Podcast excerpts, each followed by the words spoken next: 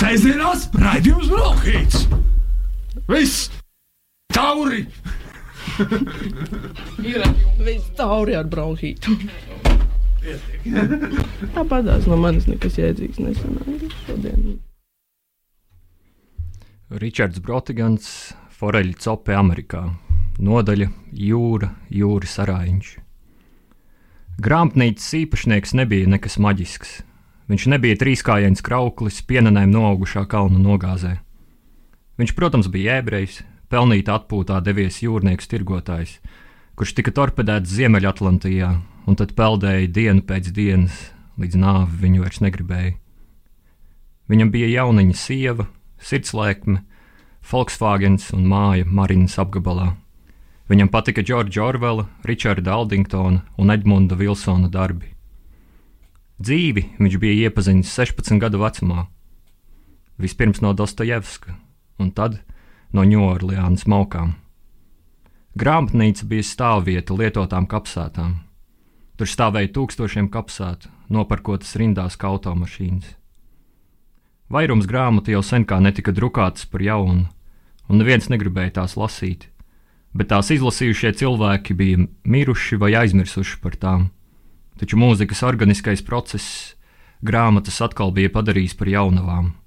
Tās nēsāja savas senās autortiesības, kā svaigas jaunavības plēves.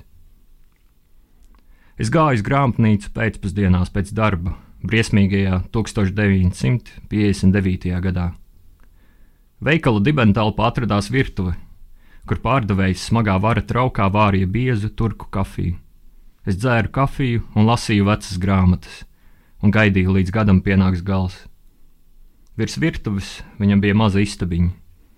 No tās pavērās skats uz grāmatnīcu, un tās priekšā bija ķīniešu stila aizslietnis.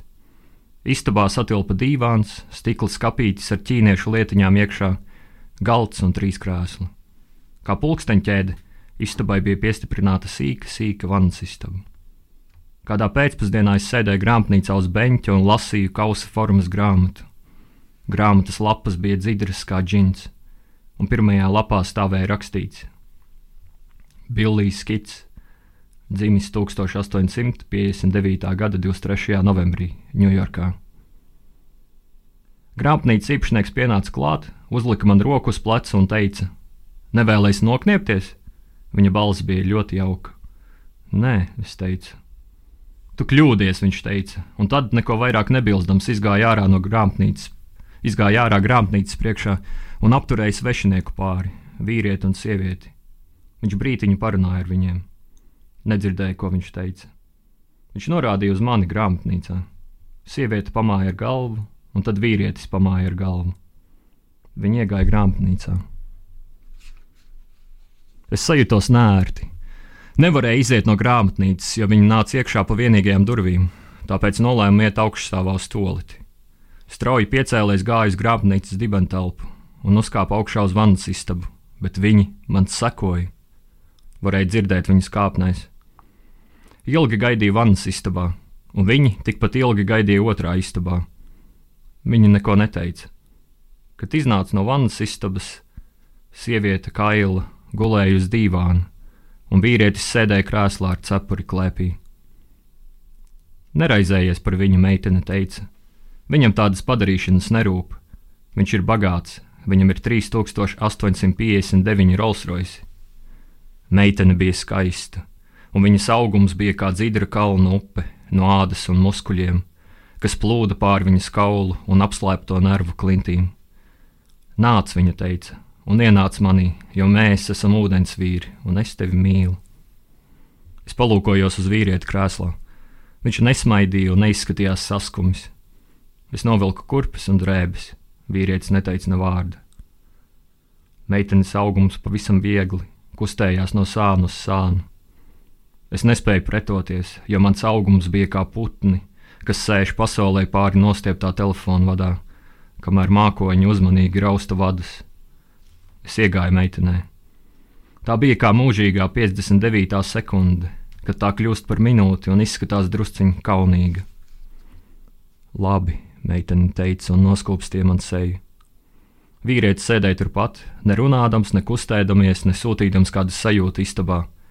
No jā, viņš taču bija bagāts, un viņam piederēja 3859 Rolls Royce. Pēc tam meitene apģērbās un aizgāja kopā ar vīrieti. Viņi nokāpa lejā, un, kad devās ārā, es dzirdēju, kā viņš pirmo reizi ko saka. Nevēlies aiziet vakariņās, pērnī? Es nezinu, meitene teica, ir drusku par agru, lai domātu par vakariņām. Tad dzirdēju, kā aizveras durvis, un viņi bija prom. Es apģērbos un nokāpu lejā. Miesa ap manu augumu likās maiga un atslābinājusies, kā mēģinājums sacerēt funkcionālu fona mūziku. Grāmatnīcas īpašnieks sēdēja savā vietā aiz letes. Es tev pastāstīšu, kas tur augšā nu pat notika, viņš teica, skaistā balsī, kas bija pilnīgs pretmets trīskājainam krauklim, pilnīgs pretmets pienenēm, nogušai kalnu nogāzēji. Kas? es teicu. Tu piedalījies Spānijas pilsoņu karā. Tu biji jauns komunists no Clevelandas, Ohio pavalstī. Viņa bija gleznotāja, ebrejieta no Ņujorkas, kas apskatīja Spānijas pilsoņu karu kā turisti, it kā tie būtu Mardigrās svētki Ņujorlēnā, grieķu skulptūra izpildījumā. Tu viņu satiki brīdī, kad viņa zīmēja mirušu anarchista bildi. Viņa lūdza tev nostāties blakus anarchistam un izlikties, ka esi to nogalinājis. Tu viņu ar kārtīgu vēzienu iepļaukāji un pateici ko tādu, ko man būtu pārāk liels kauns šeit atkārtot. Jūs abi stipri iemīlējāties. Reiz, kamēr tu biji frontē, viņa lasīja melanholijas anatomiju un uzzīmēja citronu 349 variantos. Jūsu mīlestība vienam pret otru galvenokārt bija garīga. Neviens no jums gultā neuzvedās kā miljonārs. Kad krita Barcelona, jūs aizbēgāt uz Angliju un tad iekāpāt kuģī atpakaļ uz Ņujorku. Jūsu mīlestība palika Spānijā. Tā bija viena kara laika mīlestība. Jūs mīlējāt tikai savu mīlestību vienam pret otru kara laikā Spānijā. Uz kuģa jūs izturējāties citādāk, un ar katru dienu arvien vairāk un vairāk kļuvāt par cilvēkiem, kas viens otru zaudējuši. Ik katrs Atlantijas okeāna vilnis bija kā beigta kaija kas no apvāršņa līdz apvārsnim velk līdzi jūrā dreifējošu koka gabalu artilēriju. Kad kuģis sadūrās pret Ameriku, jūs pašķīrāties, ne vārdu neteikdami, un nekad vairs viens otru neredzējāt. Pēdējais, ko par tevi dzirdēju, tu joprojām dzīvojāt Filadelfijā. Tev liekas, ka tas ir tas, kas nu pat notika tur augšā, es teicu. Pa daļai viņš teica, jā, daļai tā. Viņš izvilka pīpi un iepildīja stabagu, to aizdedza. Gribi, lai pastāstu, kas vēl tur augšā notika, viņš teica. Uz priekšu. Tu šķērsoji Meksikas robežu, viņš teica. Tu ienāji mazā pilsētelē, ļaudis tevi atpazina un bijās no tevis. Viņi zināja, ka ar to pistoli, ko nesāja pie sāna, esi nolaidis no kātiem daudzus vīrus. Pati pilsētele bija tik maza, ka tai pat nebija savu mācītāju. Kad rurālis tevi ieraudzīja, viņi pameta pilsēteli lai cik sīksti būdami, viņi negribēja ielaisties ar tevi vēl kādās darīšanās. Rurālis aizgāja. Tu kļuvi par ietekmīgāko vīru pilsētā. Tevi pavadināja 13-gadīga meitene, un jūs dzīvojāt kopā kleķa būdiņā, un praktiski vienīgā jūsu nodarbe bija mīlēšanās. Viņa bija slaida, un viņai bija gari tumši mati. Jūs mīlējāties stāvus, sēdus, guļus uz klona grīdas starp cūkām un vistām Būdas sienas grīda, un pat jumts bija noklāts ar spermu un viņas sulu. Naktī jūs gulējāt uz grīdas, un sperma jums kalpoja par spilvenu, un viņas sula par segu. Pilsētas ļaudis tik ļoti bijās no tevis, ka nespēja neko iesākt. Pēc kāda laika viņa, viņa pasāka staigāt pa pilsētu bez drēbēm, un pilsētas ļaudis teica, ka tas nav labi un kad tu pasāki staigāt apkārt bez drēbēm, un jūs pasākāt mīlēties zirga mugurā, Zokalo, pilsētas laukuma vidū, ļaudis nobijās tik ļoti, ka pilsētu pameta. Kopš tā laika pilsētele ir pamesta. Neviens tur vairs neapmetīsies. Neviens no jums nenodzīvoja līdz 21. Tas nebija nepieciešams. Redzi, es zinu, kas notika augšstāvā, viņš teica. Viņš man laipni uzsmaidīja, Viņa acis bija kā klavesīna kurpju auklis. Es domāju par to, kas notika augststāvā. Tu zini, ka runāju patiesību, viņš teica, jo tu redzēji to pats savām acīm un izceļoji pats ar savu augumu. Pabeidz to grāmatu, ko lasīju, pirms tevi iztraucēju. Es priecājos, ka dabūju nokniepties. Kad dabūju nokniepties. Kad atgriezos pie grāmatas lapām, tās sāk uzņemt gaitu un šķirties ātrāk un ātrāk, līdz traucās kā riteņi jūrā. Esiet sveicināti radio un abu klausītāji. Šis ir literatūras rādījums Bronhīts, un ar jums kā katru sestdienu kopā ar Signa Viška un Lauris Veips. Un pie mums studijā šodien viesojas dzēnieks, tūkotājs un atzējotājs Ārvis Vigls. Čau! Čau! Un tikko mēs dzirdējām tādu diezgan izteiksmīgu fragment no Richarda Brotigana uh, grāmatas Foreļa Cope Amerikā. Un es apzināti neteicu romāns, kaut gan to dažreiz arī dēvē par romānu, bet man liekas, ka šeit forma varbūt nav tik ļoti viegli definējama. Nu jā, kā es uh, saku, ievadā varbūt precīzāk būtu. Tā tā man teikt jāatrod. Tas ir pēcvārdā. Pēcvārdā, jā, jā es atvainojos. Jā, ka tematiski vienots īsprozas vai dzēprozas tekstu krājums.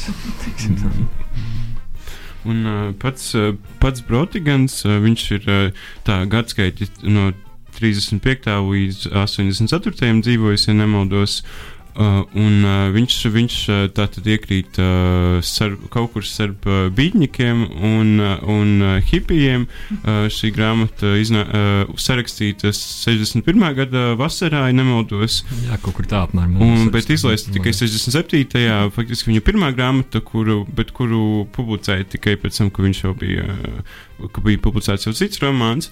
Un, uh, nu, lūk, mēs grāmatu nevaram klasificēt pašu, pašu, un pašu Brotiganu arī laikam īsti nevaram klasificēt. Uh, bet uh, bet uh, tu kā tūkotājs, uh, kā, uh, kā tu skaties uz šo, uz šo parādību, kas ir Ričards Brotigans? Hmm. Nu, viņš ir tāds reta zils, kas nekur īstenībā neiedarās, ne viņš īsti beigts, hipijus. Lūk, arī preses relīzē grāmata bija nodēvēta par hipiju romānu vai hipiju grāmatu. Kaut gan Brotigans hipijus ienīd, un arī pašā grāmatā patiesībā ir vairākas pasāžas, kas nemaz nav tik, teiksim, tā, tik, tik pozitīvas pret visu to kontrakultūras tā laika notikumiem. Un kaut kādā ziņā varētu arī teikt, ka viņš ir tāds īpatnis, tikpat īpatni ir šī grāmata. Un, uh, varbūt arī nestoties to, ka viņš ir sarakstījis arī daudz, daudz, daudz ko citu. Šī ir tā grāmata, kur viņš tiešām ir iegājis, uh, kļuvis par kulta autoru. Nestoties to, ka, protams, ilgu laiku viņš ir arī bijis uh, teiksim, tā, lasītāju un kritiķu uh, atzinības pamests. Teiksim, tā. Jā, viņš pat uh, ir savus ceļu krājumus pats uh, dalījis par brīvu uz ielas. Jā, tas bija, ka viņš pārcēlās San Francisco. Jā. Kaut gan arī mm, viņa dzējoļi īstenībā ļoti patīk. Arī, uh, šis, šis tas arī īstenībā viņš ir, man liekas, bija ļoti interesants un patiesībā arī talantīgs. Varētu pateikt, spožs dzēnieks arī ir diezgan. Um, īpatnu no domu gājienu, kurš, protams, arī parādās Foreļa celpē. Šī ir, šī ir otrā grāmata latviešu viņam, cik es saprotu, kāda ir pēcvārdā. Tas bija Ingūnas Jansons, tulkojumā ir iznācis sapņi par uh, Babiloniju. Um, Jā. nu, uh, vai uh, tu jau pieminēji, tu, tu jau pieminēji, ka viņš ir arī dzinieks, uh, vai, tev, vai tev liekas, ka uh, šī grāmata kā atšķiras, uh, kaut kā izceļas īpaši viņa tieši tādā, nu, izņemot to, ka viņa ļoti, viņa laikam ir tā populārākā Brotikana grāmata. Ne, man liekas, ka viņš vienalga tas viņa īpatnējs domāšanas veids parādās arī visos pārējos darbos, bet varbūt vienkārši šajā gadījumā tas nostrādāja. Tad varbūt mēs varam sākt runāt par kaut kādu atkārtošanos un tā, un ka ka tā bija tā viena deva, un pēc tam vairs varbūt nevajadzēja. Kaut gan no otras puses. Uh, piemēram, Japānā Brotigans vienmēr, arī tajā brīdī, kad viņš ASV jau bija tāds piemirsts, Japānā viņš joprojām bija ļoti, ļoti populārs. Viņš arī kādu brīdi ir Japānā dzīvojis. Un, un Japāņiem kaut kā aizgāja ļoti arī citi, citi darbi. Tā, tāpēc varbūt uh, nevar arī teikt, ka viņš bija pavisam. Tā kā vienu brīdi viņa vienīgā auditorija, kur viņa mīlēja, bija Japāna. Jā, viņam laikam arī sieva bija Japānieta. Uh, Jā, man šķiet, viena no sievām bija Jap viena Japānieta. no sievām. Un Vils Kasims arī uh, piemina, um, um, nu, viņa atstātu ietekmi uz Haruki Murakami, kuru. Jā, es domāju, tas arī. Uh, to, tas ir tiešām ļoti, ļoti interesanti. Par ko es patiesībā tulkodams neiedomājos, bet tieši kaut kad nesen es lasīju recenziju par vienu no Murakami romān, romāniem. Man pēkšņi pareizi viņš, mm, ka tur ir kaut kāds tas. tas Varbūt tas negaidītais arī domu gājiens un kaut kāds mm, drusku, ka liekas ar tādu ikdienas loģiku, liekas, kas, kas, kas tur notiek, kas no kurienes vispār. Un, uh, tu jau pieminēji uh, pēcvārdā, ka uh, tev, pie, tev šo grāmatu arī grāmatu veikalā uh, iet, ieteica, viņa nonāca pie tevis uh, grāmatnīcā. Um, bet, uh, nu, kā, tu, kā tu pats izšķīries uh, viņu tūkot, un kas sevi tajā uzrunā visvairāk? Nu, bija tā, ka man tas paudīs, ja negribu iztulkot, es teicu, labi. man bija tāds brīdis, ka man bija kā, starp diviem projektiem kaut kāds brīvāks brīdis, lai gan, protams, pēc tam es jau vēl ilgi strādāju pie, pie tulkojuma teksta. Un, teiksim, tā, tas pirmais ļoti nu, tāds, uh, neapstrādātais variants. Pat tapu divu nedēļu laikā, bet es vienkārši zināju, ka pēc tam būs ilgi un rūpīgi jāslīpē. Un, un visu laiku arī pat vēl pašos pēdējos uh, grāmatas rediģēšanas un pat uh, korektūras procesā vēl kaut kas vienmēr atklājās kaut kādas. Jo, še, jo grāmatā ir ļoti daudz specifisku atsauču, un reizēm ir grūti saprast, vai tā ir atsauce uh, kaut kāda vispār, vai, vispār zināmāka, vai arī tā ir kaut kāda ļoti privāta, paša Brotigana izdomāta uz pašu kaut kādu privātu, konkrētu notikumu atsauci. Es domāju, ka grāmatā ir arī daudz vietas, ko es domāju, kas ir neskaidrs arī amerikāņu lasītājiem. Un, uh, kas ir tas, kas padarīja šo, es neteikšu romānu, bet uh, grāmatu par uh, kulta literatūru? Kā tev šķiet, tas ir timings vai kas, kas īsti ir vainojams pie tā? Vai nu, jā, grūti pateikt. Tas vienkārši kultūrā noteikti tā reizēm notiek. Jā, kaut, kaut kāds, ka viņš nonāca uh, redzeslokā, ja varēja arī nenonākt redzeslokā, un tā grāmata būtu aizmirsta. Tas ir labs jautājums. Nu, vienkārši īstajā laikā pagadījās. Lai gan, protams, grāmata nāca klajā kaut kāds 6, 7 gadus pēc tapšanas. Un, un, un viss sagadījās vienkārši par labu.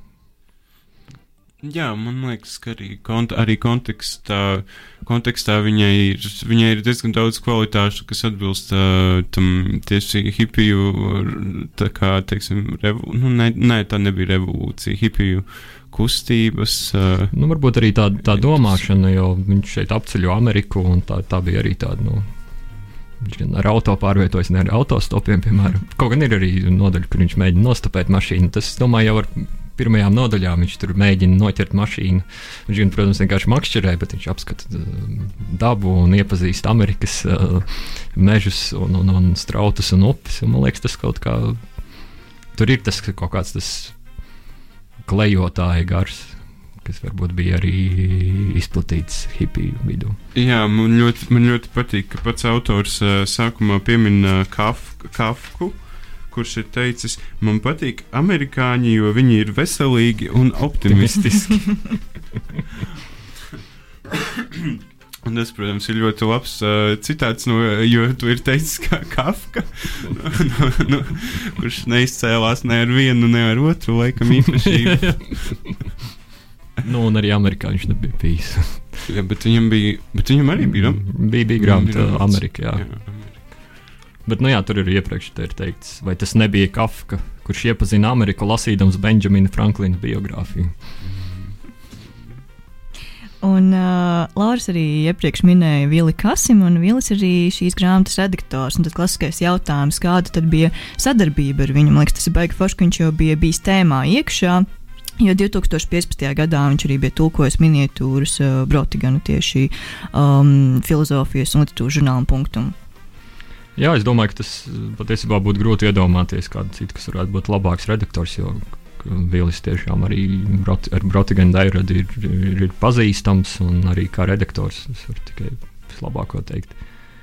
Varbūt arī labi, ka mums reizēm nesakrīt varbūt, tā valodas sajūta. Daž, dažos, dažās niansēs var atšķirties, bet es domāju, ka tas tieši arī ļoti labi. Tāpēc man liekas, viņš ir ideāls redaktors. Man, viņš ir rediģējis vienu vien man stāstu publikācijā, un arī toreiz ļoti patika tas, ka viņš ir arī ļoti skrupulozs un piekasīgs redaktors. Man tas patīk. Jā. Un arī runāt par uh, pašu tulkošanas procesu pēcvārdā, tu minēji, ka tu, piemēram, vietvārdus esi atveidojis burtiski, nevis īpaši pielāgojas latviešu valodai, un tas īpaši nesakot ar visiem tiem tulkošanas priekšrakstiem un tā. Un, vai ir vēl kādas vietas, kur tu nesakoji tulkošanas normām, un ka tu sekoji šai drīzāk oriģināla balsī? Nu, nebija arī. Nu reizēm bija. Protams, bija vilinājums tādās vietās, kur nu, tu tiešām nesaproti, ko viņš ar to ir domājis. Tu prasi arī cilvēkiem, kas amerikāņiem arī saka, vēlams, viņi zina, kas tur ir. Piemēram, te bija vairākās vietās parādās popais, kas ir kaut kas, ko viņi ēd. Es no sākuma domāju, varbūt ir kaut kāda pamperi vai kas, ko viņi met ārā miskastē, bet beigās izrādījās, tas kaut kas ēdams. Un nu, tie nav arī tā kā spināti, kas varbūt varētu būt atsaucis uz papaju. Jā, tas, ir, tas bija pirmais, kas ienāca prātā. un uh, vēl arī tas, ka ASV ir tāds ēdienu ķēde, popais, kas arī saucās. Un, bet tas nav saistīts ar to, jo tajā laikā vēl tās ēdienu ķēdes nebija. Un, protams, arī internetā nevar atrast, tāpēc ka visi vis, vis rezultāti ir vai nu uz papai, to, pap, to papai, multenis varoni, vai arī uz to ēdnīcu ķēdi ASV. Tāpēc tas ir tam vienkārši atstājām popais. Nu, jā, un, bet uh, vēl viena vēl vien lieta, kas uh, man liekas, lec ārā saistībā ar uzkošo grāmatu, ir, protams, uh, tā. Vis, man liekas, ka viņi labi ierakstās tajā kontrkultūras vilnī ar to, ka viņi arī parāda uh, dažādu veidu vardarbību caur tādu dīvainu, nu, tādu samežģītu prizmu, respektīvi vardarbību pret, uh, pret cilvēkiem, no nu, institucionālo vardarbību. Uh, kur Brotikens pats arī psihiatriskajā klinikā pabijis, un tad, tad tās ārstēšanas metodes nebija uh, īpaši tādas attīstītas vēl. Vardarbība, vardarbība pret, uh, pret dabu, protams, uh, kas, un, uh, jā, un uh, kā, kā, kā tu skaties uz viņu kā, kā, nu, plašākā kontekstā varbūt, ko mums, ko, ko vēsta mums Vareļa Hmm. Tas šis jautājums. Hashtag, hashtag deep.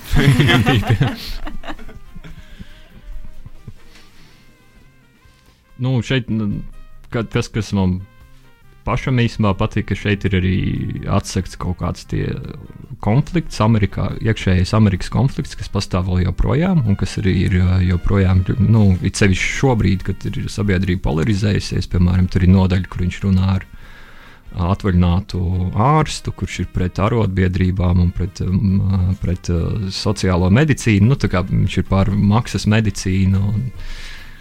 Tur parādās tādi dažādi elementi. Un arī tu pieminēji vārdarbību. Nu, es domāju, ka ar vārdarbību Protigants ir bijis pazīstams kopš bērnības, jo viņa bērnība bija diezgan smaga. Es pieļauju, ka viņš arī pats varētu būt krietni cietis no savā bērnībā. Tāpēc domāju, arī varētu, tā varētu izskaidrot viņa psihiatriskās problēmas. Un, un ir arī liecības, ka viņš pats ir patiesībā varējis būt agresīvs. Vismaz ir liecības par, par vienu sievu, jā, ka tur ir bijis uh, agresijas gadījumi un tā. Tāpēc, jā, es nezinu. domāju, dosimies īsā muzikālā pauzē, un šodien mēs esam piemeklējuši tādas dziesmas, kur katrai dziesmai nosaukums ir Amerika. un uh, dziesmas sarakstījus pēc tam varēsiet arī atrast Bronhīta LSM lapā. Uh, tūlīt būsim atpakaļ. Sēžamās raidījums Bronhīts! Viss! Tauri! Ir viss tauri ar bronhītu.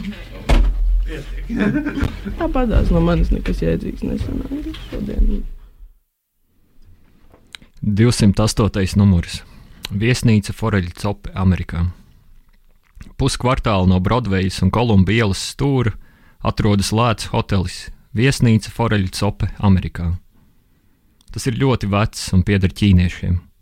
Tie ir jauni un uzņēmīgi ķīnieši, un viss viesnīcas vestibils soš pēc lisola tīrīšanas līdzekļa.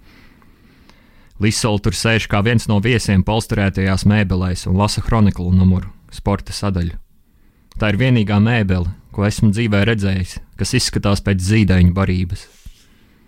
Un Lisols sēž, iemidzis, iemidzis blakus vecam itāļu pensionāram, kurš klausās pulksteņa smagajos tikšķos un sapņo par mūžības zelta makaroniem, saldu baziliku un jēzu Kristu.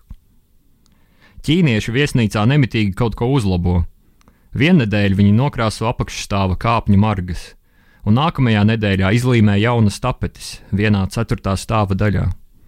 Lai arī cik reižu tu ietu garām tai ceturtā stāva daļai, tapešu krāsu vai rakstu nav iespējams atcerēties. Viss, ko zini, tā tapešu daļa ir jauna, tā atšķiras no vecajām tapetēm, bet to arī nespēja atcerēties, kā izskatījās tās. Vienu dienu ķīnieši iznes no numuriņa gultu un atstutēja pret sienu. Tā nostāv tur mēnesi, Tu pierodi to redzēt tur, bet tad kāda diena ir garām un tās tur nav. Tu prāto, kur gan tā palikusi? Es atceros pirmo reizi, kad iegāju viesnīcā Foreļa Cope Amerika, Amerikā. Es nācu kopā ar draugu, satiku divus cilvēkus. Es tev pastāstīšu, kas un kā viņš teica. Viņa ir izbijusi ielas meita un strādā telefonu kompānijā.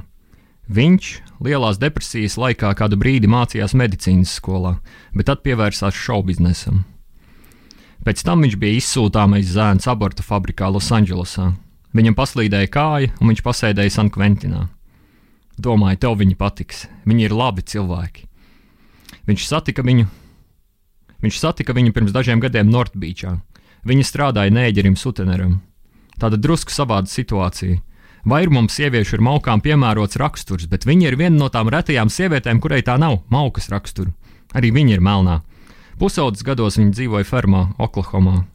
Kādā pēcpusdienā suteners brauca garām un pamanīja viņu rotaļājamies pagalmā. Viņš apturēja mašīnu un izkāpa, un kādu brīdiņu parunāja ar viņas tēvu. Domāju, viņš iedeva tēvam naudu. Piedāvājums bija gana labs, jo tēvs lika viņai iet un savākt mantas. Tā nu viņa devās suteneram līdzi. Pavisam vienkārši. Viņš aizveda viņu uz San Francisco un sāka pārdot, un viņai tas riebās. Viņš turēja viņu uz strīpas, bez mitas terorizēdams. Viņš bija īsts mīļumiņš. Tā kā viņai bija galva uz pleciem, šis atrada viņai dienas darbu telefonu kompānijā, bet naktī viņu tirgoja. Kad ārsts aizveda viņu projām, šis kārtīgi satrakojās, laba manta un tam līdzīgi. Viņš mēģināja naktas vidū ielausties ārta viesnīcas numurā, pielikt atspēru un azi ārtam pie rīkles un klaigāt kā traks. Ārts tikai lika lielākas un lielākas atslēgas pie durvīm, bet suteneris lauzās vien iekšā, brangs vecis. Tā no ārts izgāja un sadabūja 32. kalibra pistoli, un nākamreiz, kad suteneris ielauzās iekšā, izvilka šaujamo no segas apakšas, iegrūda to suteneram mutē un teica: Ja vēlreiz parādīsies tajās tur durvīs, Džek, to nepaveiksies kā šodien. Tas suteneris salauza. Viņš vairs neatgriezās. Suteneris pavisam droši bija palicis bez labas mantas. Viņš sataisīja dažus tūkstošus dolāru rēķinos uz viņas vārda, kredītos un tam līdzīgi.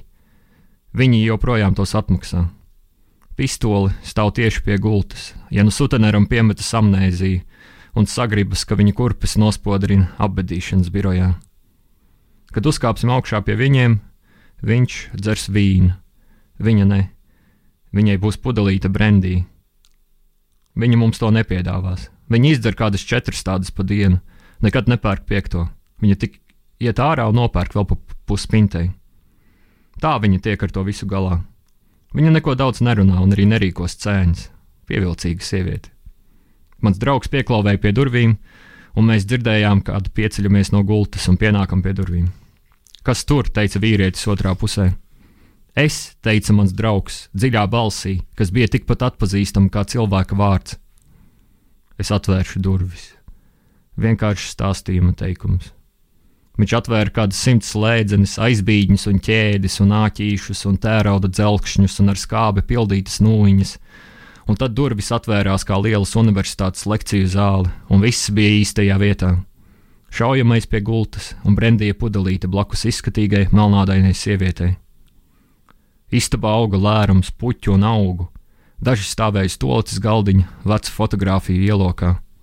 Visās fotografijās bija redzami baltie, ieskaitot ārtu jaunībā, kad viņš bija pievilcīgs un izskatījās gluži kā 30. gadi.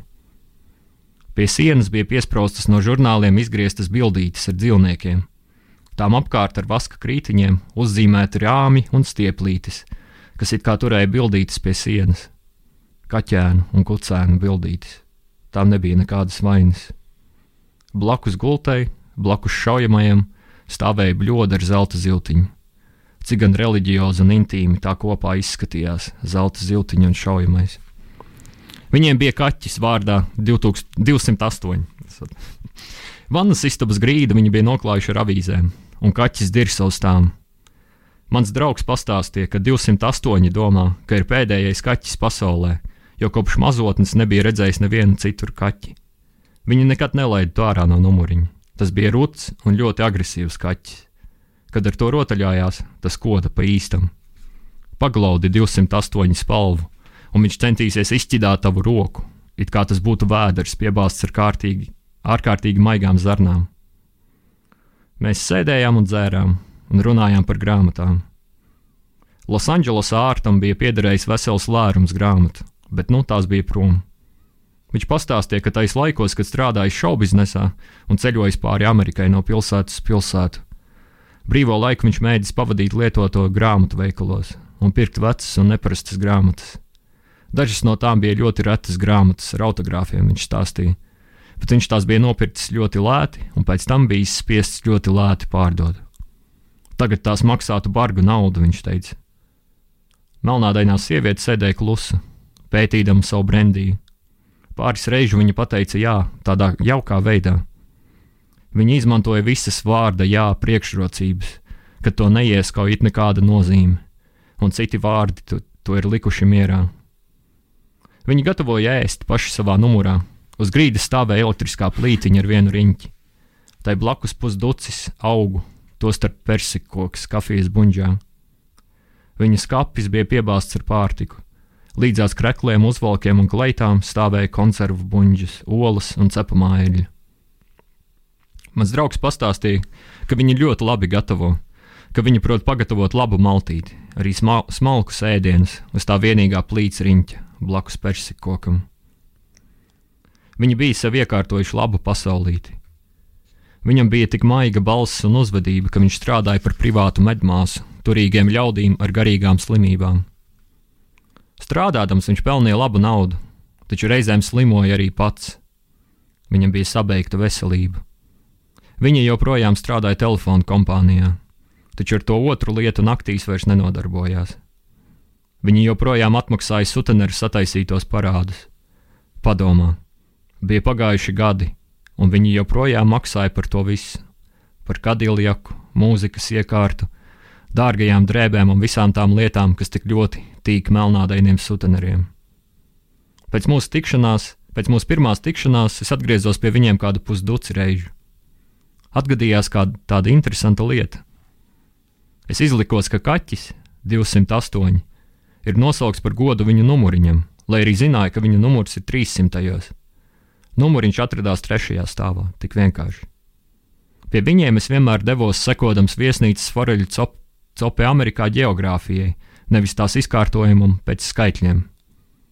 Es nezināju, kāds tieši ir viņu istabas numurs, Es slepus zināju, ka tas ir 300. un tas arī viss.